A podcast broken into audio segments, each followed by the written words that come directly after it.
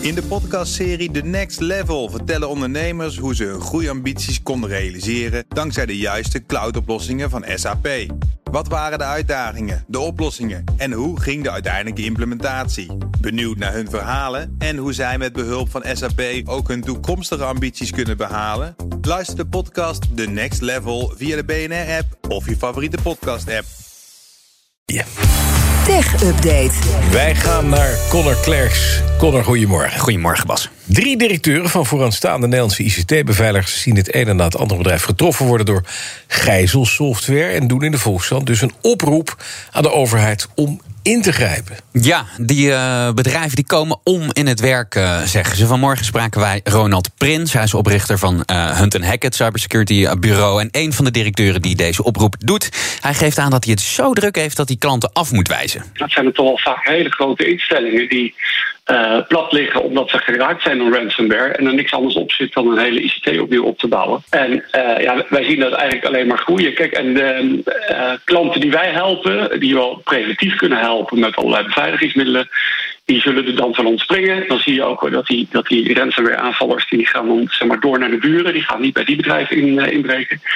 Maar uiteindelijk zijn er te weinig securitybedrijven om alle uh, potentiële slachtoffers in Nederland te helpen. En ja, wat je ziet is dat dit, wat een, wat een NCTV zelf ook zegt, dat dit gaat naar uh, een, een, iets, een crisis van nationale veiligheid.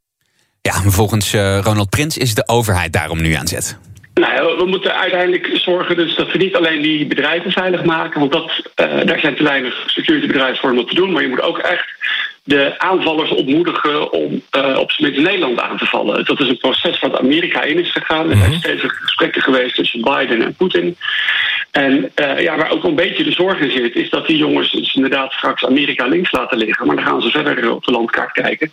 En dan komt er nog meer naar Europa toe aan, aan dit soort aanvallen. Ja. Dus wij zullen vanuit Europa ook een signaal moeten afgeven. En dat kan of uh, zelfs via uh, sancties gaan. Hè, dat heeft eigenlijk Biden ook mee gedreigd. Zodat Poetin uh, de groepen, want die zitten eigenlijk altijd in, in Rusland, toch gaat aanspreken erop. Want als je daar nu zit en je doet dit soort aanvallen, dan zal de lokale overheid je geen stroombreed in de weg leggen, zolang je niet aan Russische bedrijven komt. En dat zei dus Ronald Prins inderdaad, hè, van uh, voormalig Fox IT trouwens, maar mm -hmm. tegenwoordig van Hunt en Hackett. Google krijgt een rechtszaak aan zijn broek, want zou andere bedrijven hebben gedwarsboomd door een deal met Facebook. Dat moet je uitleggen. Ja, Google uh, wordt er in de Verenigde Staten van beschuldigd dat ze de innovatie van andere bedrijven dwars hebben gezeten. Dat zit zo. In 2014 werd er een systeem ontwikkeld voor uh, advertenties voor verschillende bedrijven, waaronder Google, maar ook hun concurrenten, die werden daar samengebracht. En uh, ja, daar kon je dus advertentieruimte bijvoorbeeld inkopen. En in eerste instantie um, omarmde Facebook dat systeem. Maar volgens de klagers in deze rechtszaak besloot Facebook een paar jaar later, in 2018, om dat programma te beperken. En gaven ze Google toen een voorkeursbehandeling in de advertentieactiviteiten. Ja, toen de marktmacht van Google werd bedreigd, sneed het innovatie en concurrentie af via een deal, deal met Facebook. Dat zeggen die bedrijven. Uh, en ze willen een schadevergoeding. Ja, en hebben Google en Facebook al beide gereageerd? Vooralsnog niet, maar ik ben wel benieuwd naar die rechtszaak. Die ja, kan uh, op de stapel, zou je kunnen zeggen. In de VS en in Europa lopen nu meerdere mededingingszaken uh, naar Google. Onder meer over de vraag of Google de toegang tot gebruikersdata voor advertentiedoeleinden voor zichzelf hield. Dus dat lijkt hier wel een beetje op. Ja. En dan de topman van uh, Samsung, J.Y. Lee.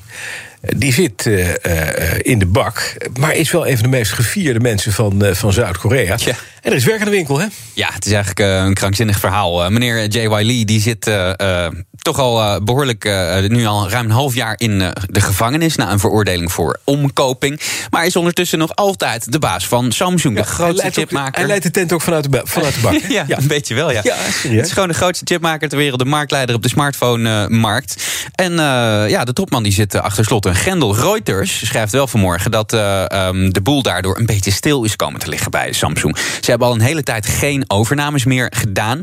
Want ja, snelle beslissingen die gaan een stuk makkelijker als je topman in de boardroom zit en niet in de gevangenis. Um, volgens anonieme bronnen rond Samsung moet er ook nog altijd een beslissing genomen worden over een investering van 17 miljard dollar. Want er zou in Amerika een hele geavanceerde chipfabriek gebouwd ja. moeten worden.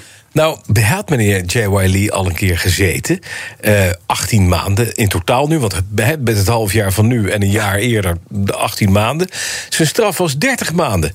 En waarom zou die nu vrijkomen? Is dat gewoon vervroegde vrijlating? Ja, dat zou kunnen. Want in Zuid-Korea kun je vervroegd uh, vrijgelaten worden onder voorwaarden na het uitzitten van 60% van je straf. Dus daar is hij ongeveer.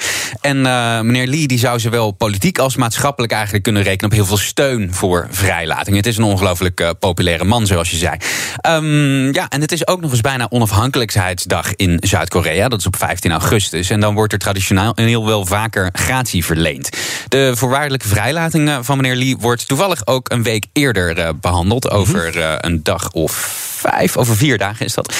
En uh, ja, over die overnames trouwens, die Samsung dus al een tijdje niet doet, schrijft Reuters ook iets interessants. Want NXP, de voormalige halfgeleiderdivisie van Philips, zou een goede kandidaat zijn volgens Reuters voor een overname door Samsung. Ja, je bent benieuwd. NXP het zit in Eindhoven, hè? Zit in Eindhoven, nu nog wel. Zuid-Korea, dat u het weet. Hm. Daar zitten ze. Dankjewel, Conor Klerks. De BNR Tech Update wordt mede mogelijk gemaakt door Lenklen. Lenklen. Betrokken expertise, gedreven resultaten. In de podcastserie The Next Level vertellen ondernemers hoe ze hun groeiambities konden realiseren dankzij de juiste cloudoplossingen van SAP. Wat waren de uitdagingen, de oplossingen en hoe ging de uiteindelijke implementatie? Benieuwd naar hun verhalen en hoe zij met behulp van SAP ook hun toekomstige ambities kunnen behalen? Luister de podcast The Next Level via de BNR-app of je favoriete podcast-app.